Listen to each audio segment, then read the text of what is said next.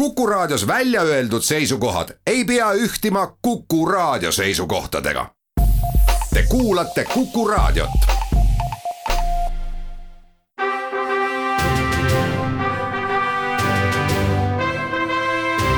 vahetund Tartu Postimehega. tere päevast, head sõbrad. on kalendris kahekümne viies mai. on kahekümne kaheksas sünnipäevapäev kellel teisel, kui mitte Tartu Postimehe toimetusel ja just nimelt kakskümmend kaheksa aastat eh, tagasi Postimehe vahel esmakordselt eh, selline iseseisev noh, ütleme siis moodsasti äh,, brändpäis nagu Tartu Postimees esimest korda ilmavalgust nägi. Ja sealtmaalt see väljaanne on äh, õige mitut moodi äh, edenenud ja arenenud ja vähemalt need inimesed, kes äh, praegu selles väljaandes töötavad, usuvad küll, et asjad on liikunud üha edenemise suunas ja tahame sinnapoole upitada neid edaspidigi ja see tänane raadiosaade kahtlemata saab olema üks pisikene sammukene sellel teel. nii et olge kõik tänatud ja õnnitletud sel päeval, mina olen Rannar Rabo, Tartu Postimehe peatoimetaja ja saate esimeses otsas tahan teid nagu äh, tihtilugu varasematelgi kordadel õhutada ikka heitma pilku äh, ka eraldi Tartu Postimehe veebilehele. see, mida te näete meie paberlehest, ei ole sugugi kogu meie töö tulemus, mis päeva jooksul juhtumas on, seda püüame ikka kajastada alati ka nii-öelda jooksvalt, võimalikult ruttu. noh, mis seal siis on, meil on täna juttu näiteks sellest praegu, et, et Rait Ratassepp, ultra sportlane ehm, no positiivses mõttes hull inimene on äh, uue väga suure äh, väljakutsega silmitsi astunud äh, ja, ja mis ta siis täpsemalt plaanis on, seda saate veebist lugeda. siis muidugi omaette teema, mida me tahame homses nii paberlehes kui ka veebis jätkata, aga, aga otsast juba arutame täna ka heade reporteri kolleegide kaasabil. on siis teema, mis puudutab uue Delta teadus- ja õppekeskuse hoone juures Emajõe kalda peal olevat eh, trepistikku, et seal on kohati tundub äh, paremate ilmadega, eriti nädalavahetustel, hilistel õhtutundidel kord sedavõrd käest läinud, et on äh, tulnud politseil mitu puhku sekkuda ja mitte lihtsalt selleks, et kraaklejaid laiali ajada või prügistajaid noom-, noomida, vaid et ühe, ühe ülemeelikuks ja ilmselgelt liiga ülemeelikuks muutunud inimese eluga seal uppumisohtu sattus. ja noh, muidugi võib-olla tagasivaatavalt on oluline teada ka seda, et kui siin vahetult enne eelmise aasta jõule eh, meid kõiki ehmatas eh, teade sellest, et keegi on üritanud Tartu Ülikooli peahoonet põlema pista. et siis selles osas on ka nüüd äh, tagajärjed äh, jõudnud sinnamaani, kus äh, prokuratuur on äh, andnud teada, et, et siis ekspertiis on tolle teo toime pannud mehe hinnanud siis selliseks, kes nähtavasti vähemalt tol päeval, kui ta või tol ööl, kui ta selle teo sooritas, ei andnud endale aru sellest, mis, millega ta päriselt riskib või mida võib tema tegevus siis tagajärjeks anda ning seetõttu on prokuratuur praegu taotlemas kohtult selle inimese inimese psühhiaatrilise sundravile saatmist ja loomulikult, kui on tegemist sellise teemaga, siis me ei räägi täpsemalt, kes see inimene on nii et huvitavat lugemist kahtlemata sealt leiate, aga nüüd siin saates tahaksime vaadata tagasi äh, mõningatele teemadele, mida oleme äh, viimastel päevadel äh, kajastanud. ütlen juba etteruttavalt, et saate teise poole pühendamegi Tartu Postimehe sünnipäevale. kergitame oma saba ja teeme seda sedamoodi, et mul on külaliseks siin esimest korda elus üldse raadioeetris meie fotograaf, kõige kogenum neist, kes meie toimetuses praegu töötavad, Margus Hansu. aga praegu hea kolleeg Eili Arula üle tüki aja otsest stuudios, proovime tasapisi harjutada ennast jälle äh, stuudios, ehkki ettevaatlikult endiselt. ja tere päevast sult on äh, meie lehes ilmunud viimase nädala vältel äh, õige mitu äh, sellist lugu, millele oleme hinna, mille oleme hinnanud esikülje vääriliseks. esimene neist on siis tänasest, tänase paberlehe esiküljelt noh, üsna loomulik ka, et me pöörasime sellele teemale tähelepanu, nii nagu väga paljud teised ajalehetoimetused üle Eesti.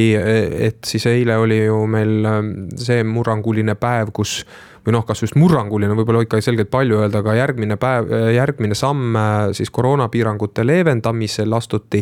ja noh, mis peamine, kui siiamaani toitlustusasutused võisid lubada kliente endale ainult väliterrassidele ja arvestades seda, et tänavune kevad on osutunud ikkagi noh, vastu kõikide ootusi võrdlemisi jahedaks ja, ja, ja isegi vihmaseks ja tuuliseks. siis noh, nüüd, nüüdsest võib juba toit, toituda ka juba siseruumides, kliendisaalides, mis omakorda esitab meile küsimuse, et kuidas siis selle sektori ettevõtjad hakkama saavad. sina, kolleeg Jens Raaviku abiga eile seda teemat puudutasid ja ja jõudsid teatavate järeldusteni, tuleb välja, et ikkagi selles sektoris on praegu nokk kinni, saba lahti ja me räägime siin mitte ainult siis toitlustusasutustest, vaid ka hotellidest. seleta pisut täpsemalt, milles neil siis see häda on? jaa, äh, hotellid ja restoranid ja toidukohad äh, saab võtta kokku ühe uue terminiga, mis minu jaoks uus on siis külalislahkussektor, seda terminit kasutab. päris tore väljend, ehkki natuke ja. liiga lohisev. jah, seda küll, aga iseenesest, äh, iseenesest huvitav, huvitav väljend sellegipoolest. et ühesõnaga jah. muidugi, vabandust, ma ütlen, torkan vahel, ma ei saa seda lihtsalt ütlemata jätta, ma olen elus ikka õige, õige mitmes sellises hotellis ka ööbinud, kus külalislahkus on olnud üks viimaseid asju, mida seal kogeda on andnud. ja just et äh, mõni toidukoht võib-olla ei ole ka alati päris sellist äh, to head toitu pakkunud, aga see selleks. et rääkides jah, siis sellest äh, sektori sektori hakkamasaamisest praegu, et seis on tõesti selline, et eelmisel, eelmisel aastal, eelmisel suvel said nüüd natukene, said nüüd natukene tööd teha, kuid siiski jah, oli näha, et, et sügisest need asjad jälle kiiva kisuvad, piirangud hakkasid peale pressima ei olnud nii palju seda rakendust neile ei toidukohtadele, ei hotellidele, ei olnud ju, ei olnud ju välisturiste. ja koondamised oli paratamatus. Nüüd, kui on tõesti piirangute leevenemine, siis äh, selgub, et needsamad ettevõtted, kes on siis pidanud koondama töötajaid või siis on ka noh, kes on saatnud omale töötajaid sundpuhkusele, palgata puhkusele siis. on jällegi hädas, sellepärast et neil ei ole enam inimesi ja muidugi sellises sektoris on see tööjõupuudus olnud ju selline aastatepikkune küsimus ja probleem, alati. Nad suve hakul otsivad omale teenindajaid ja, ja ettekandjaid ja hooajatöölisi, aga nüüd on nagu probleem äh, suuresti selles, et kokkadest on väga suur puudus. et see on niisugune A ja O, äh, kui inimene tahab ikka restorani pidada või hotelli pidada ja seal peab ju süüa ka pakutama, siis noh, äh, kokk ise võib selle söögiga lauda viia, aga teenindaja jälle seda valmis seal ei keeda, nii et noh, et praegu on see seis selline, et kokkadest on hirmus suur puudus suuremates Tartu toitlustuskohtades restoranides. nojah, ja kokk lõppude lõpuks peab olema ikkagi selline inimene, kes ka süüa teha mõistab, et. et äh, me võime ju siin kõik rõõmustada selle üle, et erinevad kõrtsid, restoranid ja, ja kohvikud on oma väga kauniks disainitud äh, teenindussaalidega avatud, aga noh, kui palju on meist neid siis, kes tahaksid sinna äh, minna teadmises, et see, mis seal pakutakse, on äh, noh. kehvem kui keskmise poissmehe äh, kodu, kodukootud õhtusöök, et loomulikult me tahame sinna minna otsima maitseelamusi ja see sektor äh, peab ju kvaliteeti pakkuma ka sisuliselt, mitte ainult vormiliselt, et siin on murekoht küll, et kas see päriselt tõmbab niimoodi käima, kui ollakse väga hõredas seisus. No vot just, eks see suvi näitab, et äh, noh, siin äh, praeguses seisus ma saan aru, et nii kehv see olukord ei ole, et nüüd et nad üldse seda hotelli, restorani lahti ei saaks hoida või siis need toidukohad peaks äh, uksed sootuks kinni panema. sest noh, selge on see, et see suvi veel noh, sellist nii-öelda normaalset nõudlust ei taastu, sest meil ei ole ju välisturiste, mille peal sisuliselt äh, see suvine turismisektor, külalislahkussektor siis mm, on, on nii-öelda lõikab seda kasu omale, suur, suuremat osa kasu, jah, siseturiste kes nüüd liikuma hakkavad suviti ühest kohast teises kohas, et neid kindlasti ka tuleb ja neid ja, ja, ja nemad ka kindlasti seda turgutavad siis seda, seda valdkonda kuid kindlasti ei ole, see on selline hakkamasaamise piir, vähemasti nii rääkis Verni Loodma, kellele siis Tartus kuulub kolm hotelli, on siis London Pallas ja, ja Sofia.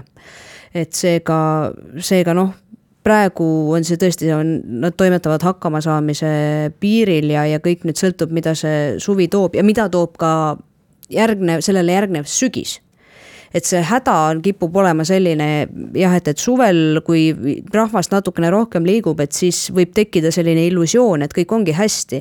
aga kui keegi ei ole nagu kindel, et, et sügisel oleme sama heas seisus kui enne koroonakriisi, et, et need on ettenägematud asjaolud ja, ja see sektor on, on tõesti need hotellide pidajad, restoranide, toidukohtade pidajad ise ka tunnistavad jah, et, et ongi väga suur ebastabiilsus, aga nad on selle kutse ja, ja valdkonna valinud, seega tuleb leppida ja püüda hakkama saada. Tuleb, tuleb, hakkama tuleb saada ka raadiojaamale, selleks müüakse reklaami, kuulame siis ära praegu vähemalt ühe klipi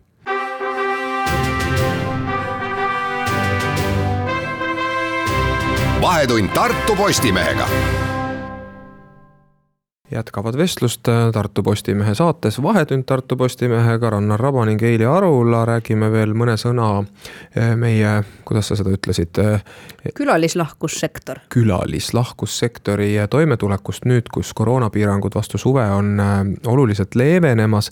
minul tekkis see küsimus veel, lugedes sinu tänast uudislugu, et kus väga tuntud restoraniärimees vaata, et äh, selle restoraniäri pealt isegi kultuuritegelaseks, tegelaseks äh, kasvanud äh, väga andekas mees Joel Ostrat ütleb, et tal näiteks üks kokk läks hiljaaegu elektrikuks ja kui ta on temaga nüüd hiljem vestelnud, siis too kokk ütleb, et ta nagu enam kokatöö peale tagasi ei, ei ihkagi.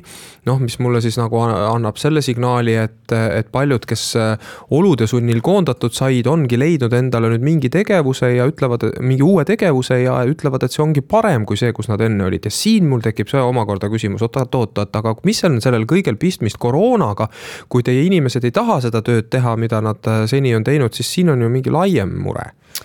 Jaa, no vot, võttes nüüd sellesama kokast elektrikuks läinud tegelase näite, siis üks asi on see, et kui seda kriisi ei, ei oleks tulnud, see on muidugi puhas oletus, eks ole et kui seda kriisi ei oleks tulnud, kui see noormees ei oleks siis olnud nii-öelda sundseisus, et minna, et ametit vahetada, et siis ta ehk ei olekski vahetanud seda ametit, aga noh, paratamatult kes, on üsna väheseid inimesi, kes nagu pärast kohe kooli lõpetamist ja tööle minnes teevad seda ühte ja sedasama asja kuni pensionile minekuni. et see, et sellises toitlustus- ja teenindussektoris inimesi vahetub, kaader vahetub, see on paratamatu. see on olnud kogu aeg, praegu on see lihtsalt veidikene võimendunud tõesti selle koroonakriisi tõttu ja noh, tõesti võtta ja, ja anda siis inimestele lootust, et äkki järgmisel aastal läheb paremaks. seda ei saa lubada mitte ükski toitlustusettevõte, see on selge.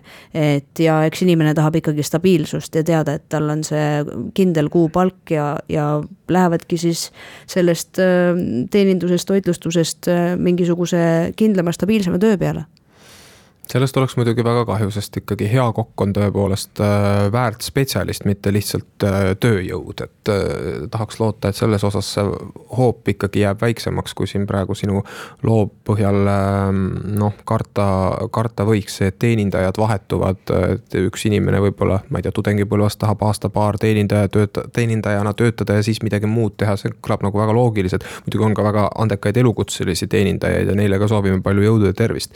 nii et ühesõnaga, kui siit nagu seda asja kuidagi niimoodi kokku võtta, et, et, et, et kas midagi inimestele soovitada, siis äh, kui teil on välja kujunenud oma eh, mingisugused lemmikrestoranid või kohvikud või minu pärast ka kõrtsid, äh, kus te olete harjunud käima.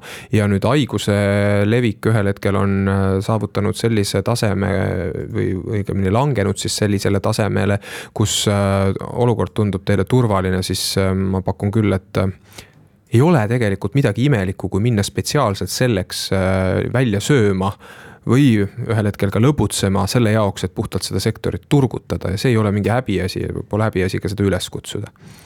vot, sedasi tahtsin öelda, aga äh, nüüd äh, enne kui me selle saate poole kokku tõmbame, puudutame ühte teist tegelikult sisult veel märksa ebameeldivamat teemat, mida sa kajastasid reedeses lehes ja nädalavahetusel pälvis see ohtralt tähelepanu ka meie veebis, siis see lugu kandis pealkirja Koeratapp paljastas julma koduvägivalla.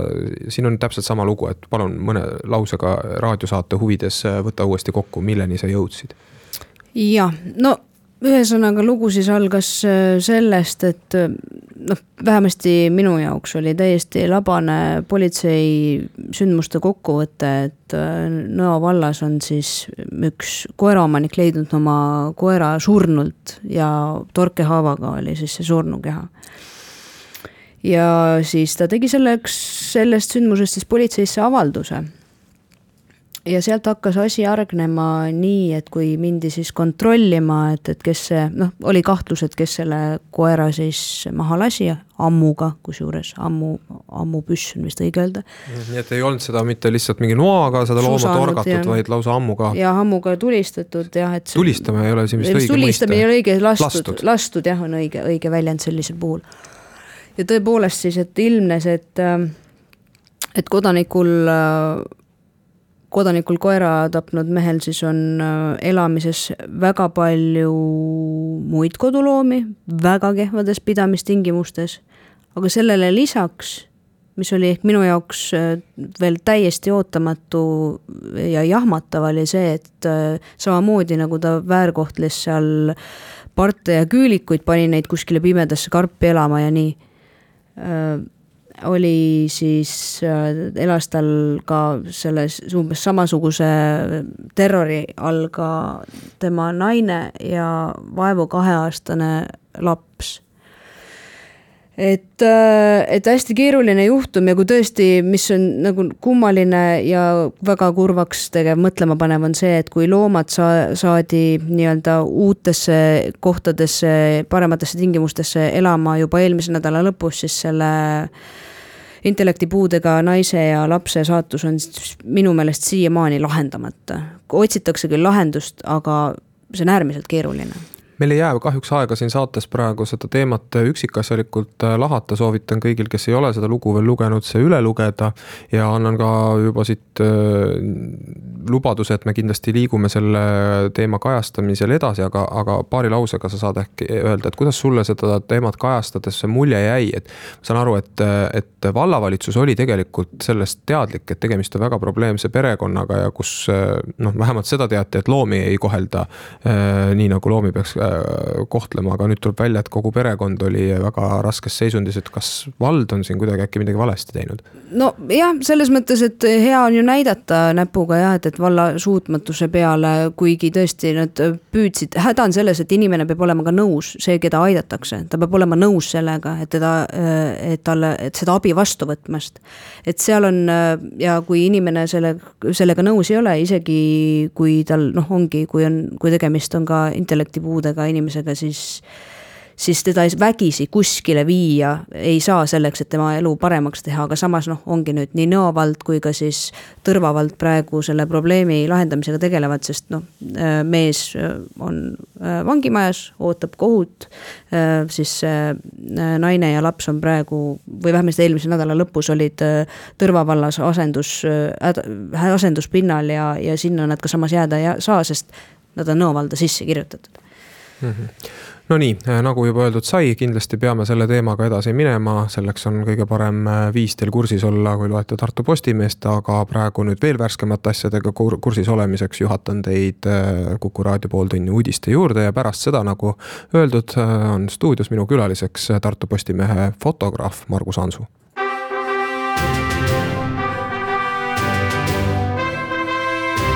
vahetund Tartu Postimehega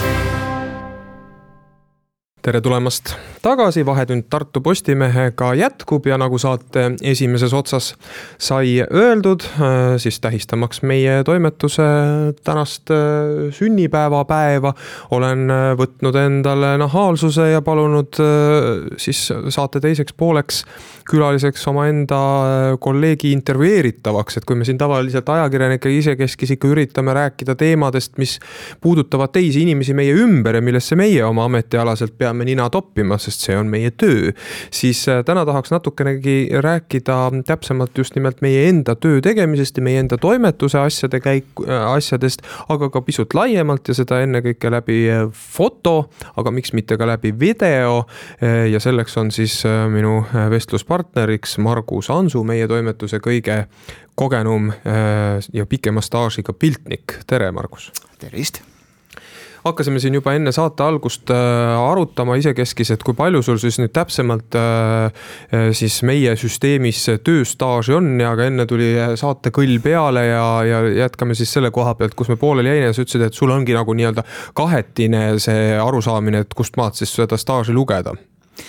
Nojah, tegelikult ma loeksin oma staaži ikkagi mm, esimesest septembrist tuhat üheksasada üheksakümmend üheksa ehk siis möödunud sajandist lausa aga siis ei läinud ma mitte, õigemini ei tulnud ma siis mitte tööle Postimehesse, vaid ma tulin äh, praeguse Scanbixi eelkäijasse Eesti Meedia Fotosse. tulin äh, arhivaariks mm. -hmm. ja siis kahe tuhande teise aasta lõpus, vaat siis sellest ajast ma olen nüüd tõesti jah, ametlikult Postimehe palgaline fotograaf see on piisavalt pikk periood, et äh, sa saaksid omaenda kogemuse pealt äh, luua neid äh, selliseid kõnekaid võrdluseid või illustratsioone, mitte ainult pildiliselt, vaid ka verbaalselt siinsamas meie tänases saates. nii, nii on minul nagu väga hea sinu käest ka küsida. eks ma olen ka läbi paljude aastate näinud, kui palju fotograafide töö ajakirjanike kõrval on muutunud, noh, ega tegelikult fotograaf on samasugune ajakirjanik nagu kirjutav ajakirjanik. aga noh, tema võib-olla siis selle töö töö iseloom ei paista nii palju äh, alati välja või ei osata seda sellisel kombel tähele panna, kui kirjutavate ajakirjanike oma. Äh, siis, sest nad väga vähe peavad ise oma, oma suuga küsimusi küsima avalikes kohtades. et seetõttu on võib-olla paslik, et äkki sa siis pisut kirjeldad äh, nüüd sellises võrdlevas stiilis seda tööd, mida sa fotograafina tegid tol kahe tuhande teisel aastal, noh, minu pärast seal järgnevatel aastatel. ja kuhu me oleme jõudnud praeguseks, et millised on olnud need peamised erinevused, nagu ma ütlesin, mina olen ka kõrvalt näinud, et need erinevused on ikka väga suured. no tegelikult just selle kahe tuhande teisega äkki ei olegi need erinevused nii suured, muidugi on, aga aga kui ma tulin, ütleme siis sinna Eesti Meedia fotosse tööle, ma tegin ka siis tegelikult Postimehele pilte. et see ei olnud ainult see toimetamise töö ja arhiveerimistöö, vaid ma käisin ka pildistamas. siis see oli veel filmiaeg kus oli pildistamine filmi peale, kus oli sul kaadrite arv oli normeeritud, ma mäletan, oli kolmekümne kuue kaadrine film, selle peale pidi mahtuma kolm teemat. ehk siis iga teema peale kaksteist fotot võisid sa teha praegusel hetkel, kui me pildistame digiaparaadiga, no ma käin spordivõistlust pildistamas, mul on üks seeria, üks päästiku vajutus on mul kaksteist pilti mm -hmm. põhimõtteliselt. aga kui nüüd jah, selle kahe tuhande teisega hakata võrdlema, siis, äh, siis muidugi on eelkõige on operatiivsus muutunud. sellepärast, et nüüd tänapäeval on ju ikkagi äh, piltide saatmise võimalus otse kaamerast. tol ajal Mm, pildistasid sa ära selle teema ja pidid tulema toimetusse, hakkasid siis neid pilte sisse võtma, see kõik oli, see kõik oli aeg, transpordiaeg, mis selle peale mhm. läks nojah, et ma saan ju siit äh, kõrvalt kommenteerida, et, et on teemasid, neid ei ole küll väga tihti, et me noh, ei ürita ju ka ennast alati lõhki rebida, et kusagil on mingisugune mõistlikkuse piir.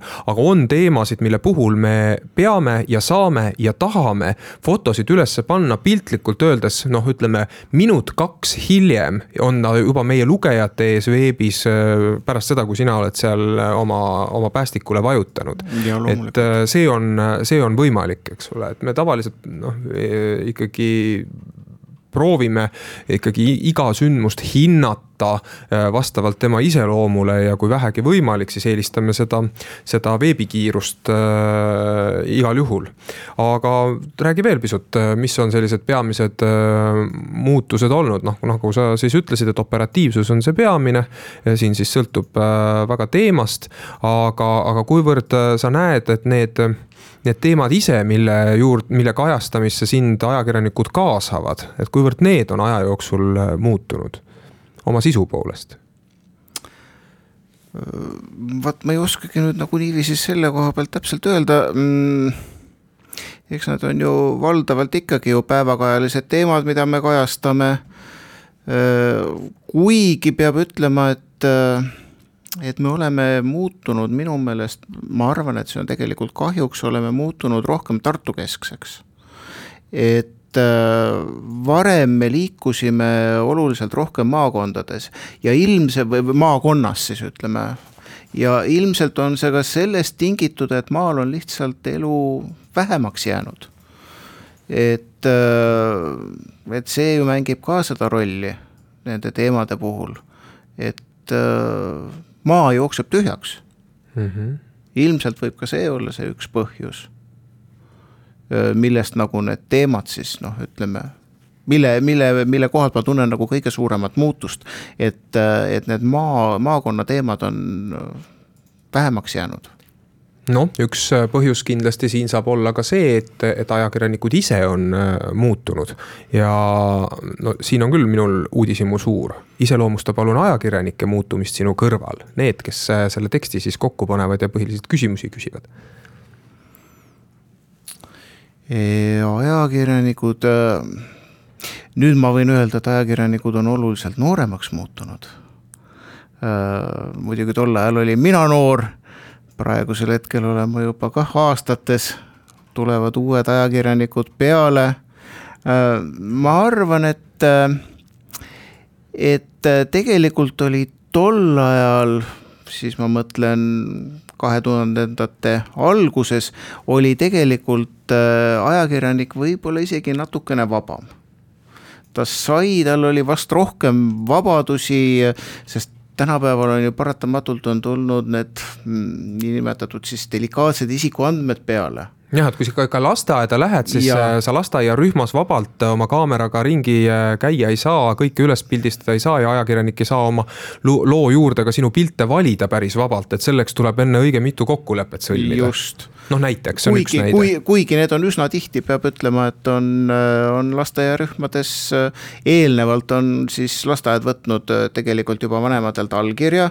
et kas nende lapsi tohib pildistada, kas nende lapsed võivad meedias olla kajastatud ka selles mõttes, et kas nad tohivad ajakirjanikele vastata, ka see on mm. -hmm seal ära määratletud. Ja ei ole harvad juhud, kus, kus toimub lasteaiarühmades, kui me läheme mingit lugu sinna tegema, toimub eraldamine, et nüüd lähevad ühed lapsed, liiguvad ühte ruumi ja teise ruumi jäävad need, keda tohib pildistada, kelle käest tohib arvamust küsida, see ei ole sugugi erandlik.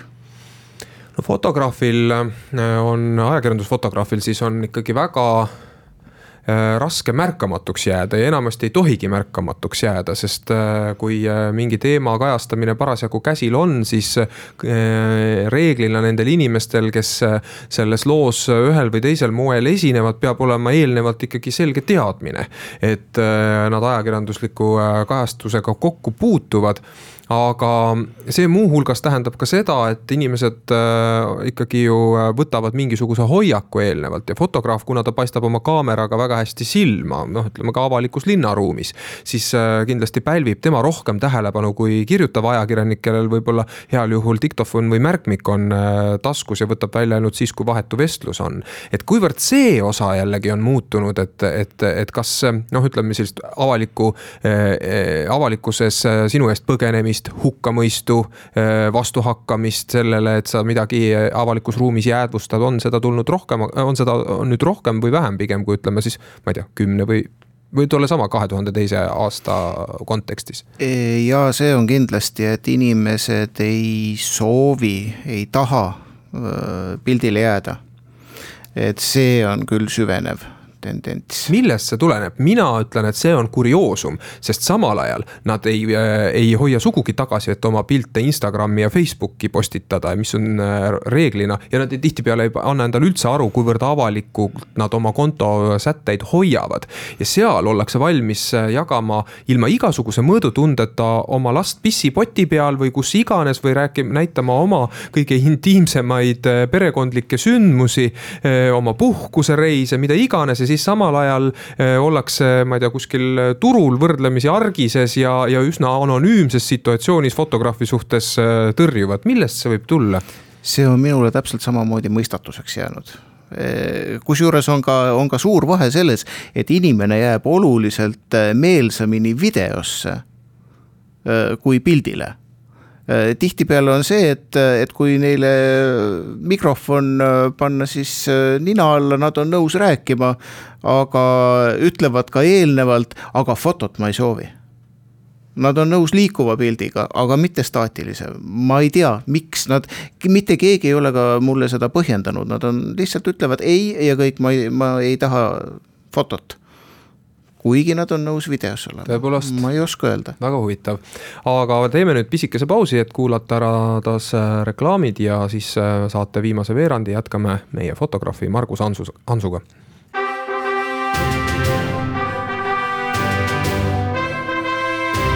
vahetund Tartu Postimehega saade jätkub, Rannar Raba ning äh, Margus Ansu stuudios äh, ja Tartu Postimehe kahekümne kaheksanda sünnipäeva tähistuseks räägime ajakirjandusest, täpsemalt öeldes siis ajakirjandusfotost. et äh, Margus, me sinuga enne saadet leppisime kokku, ma andsin sulle noh, teadlikult juba varakult aega, et mõtle korra oma peas läbi mõni, mõni näide, et oleks hea raadiokuulajal rääkida, et. et oleks meil väga huvitav sinu kogemust nagu ka endast läbi lasta, et too mõni näide, kus ajakirjandusfotograaf, nagu sa sina oled oled, on pidanud olema silmitsi olukorraga, kus ikka lööb adrenaliinilakk, ma ei tea, kas tunned hirmu või, või, või mingit muud väga erilist emotsiooni ja kus sa siis selle situatsiooni seljatamise nimel pead ikka kõvasti vaeva nägema? just kaks hetke tagasi olime teise fotograafiga, Sille Annukega olime toimetuses ja, ja arutasime täpselt sellel samal teemal ja, ja tegelikult me jõudsime järeldusele, et, et ega selliseid juhtumeid on väga harva, kus äh, adrenaliini üles viskab. Kas see tuleb sellest, et te olete kogenud või sellest, et lihtsalt elu ongi rahuliku, võrdlemisi rahulik meie ümber? Nii seda kui teist.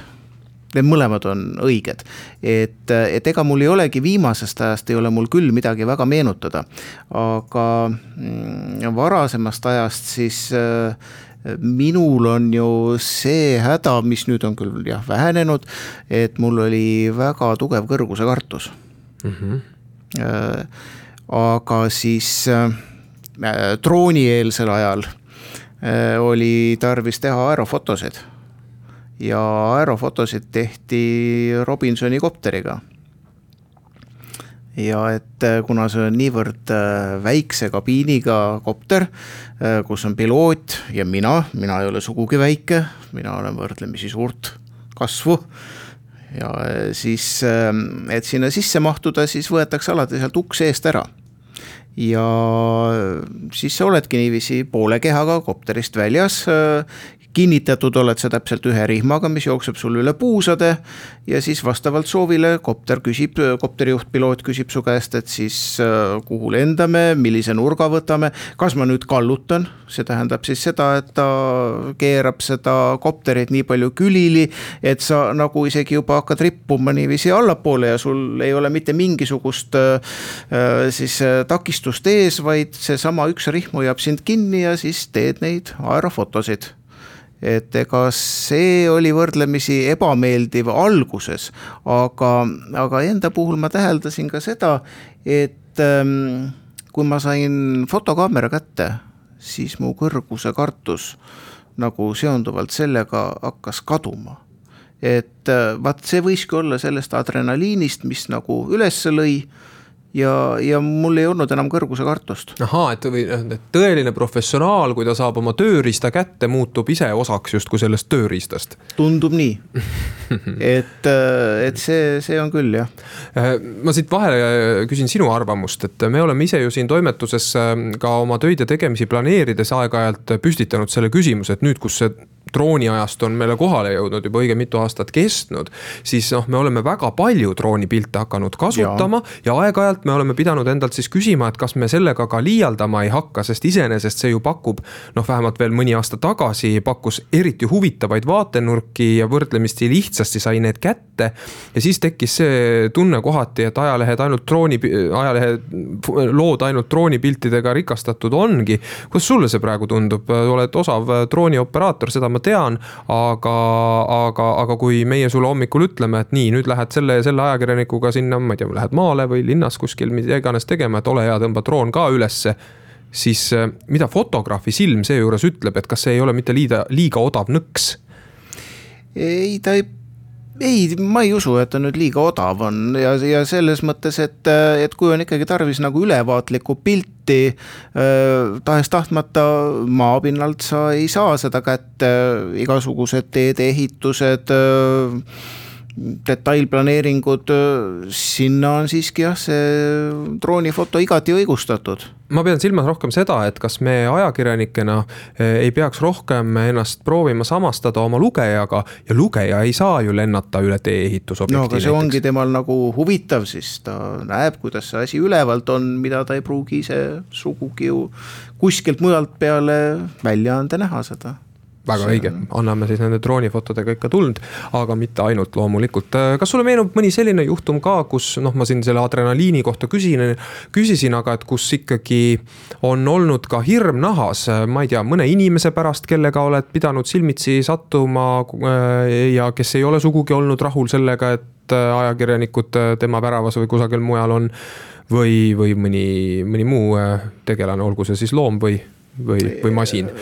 no loomaga seoses alles paar nädalat tagasi, ei natukene jah, ütleme kuu aega tagasi vast, kui ma sain äh, koera käest natukene pureda, aga noh, see ei olnud midagi hullu.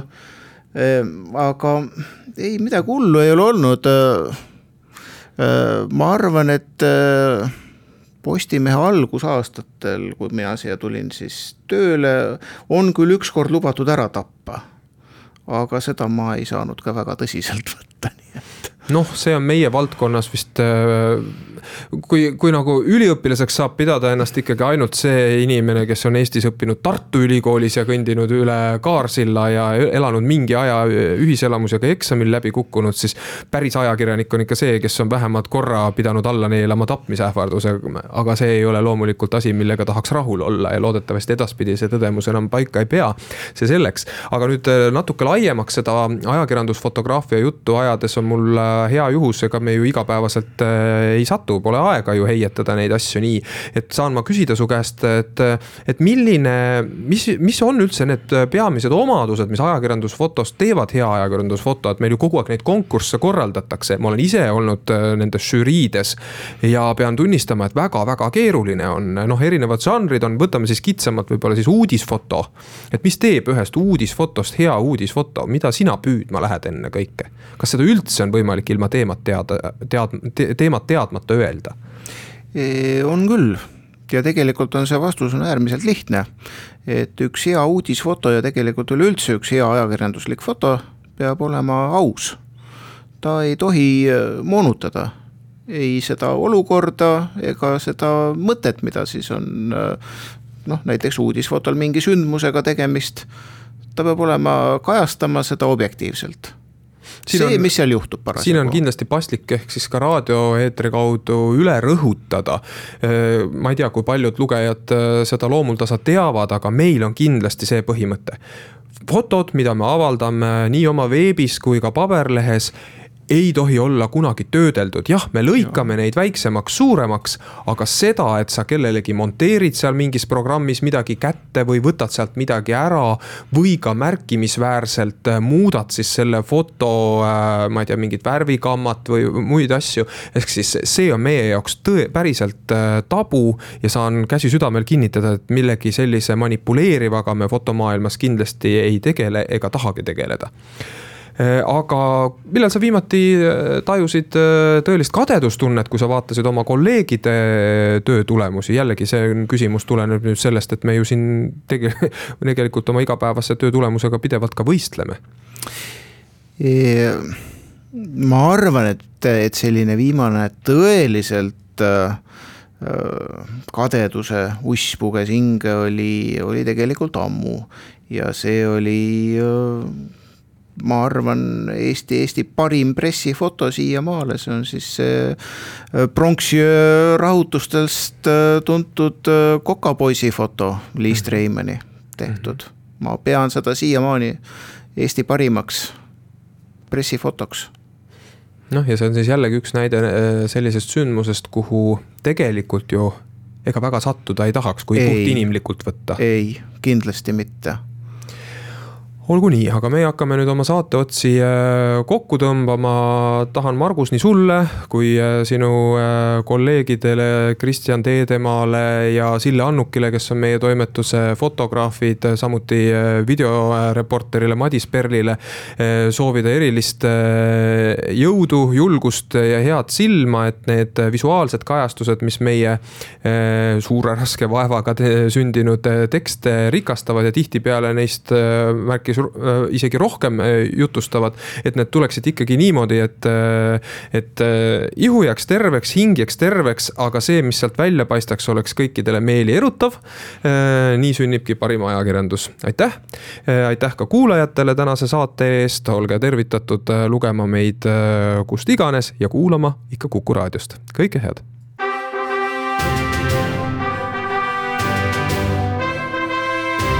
vahetund Tartu Postimehega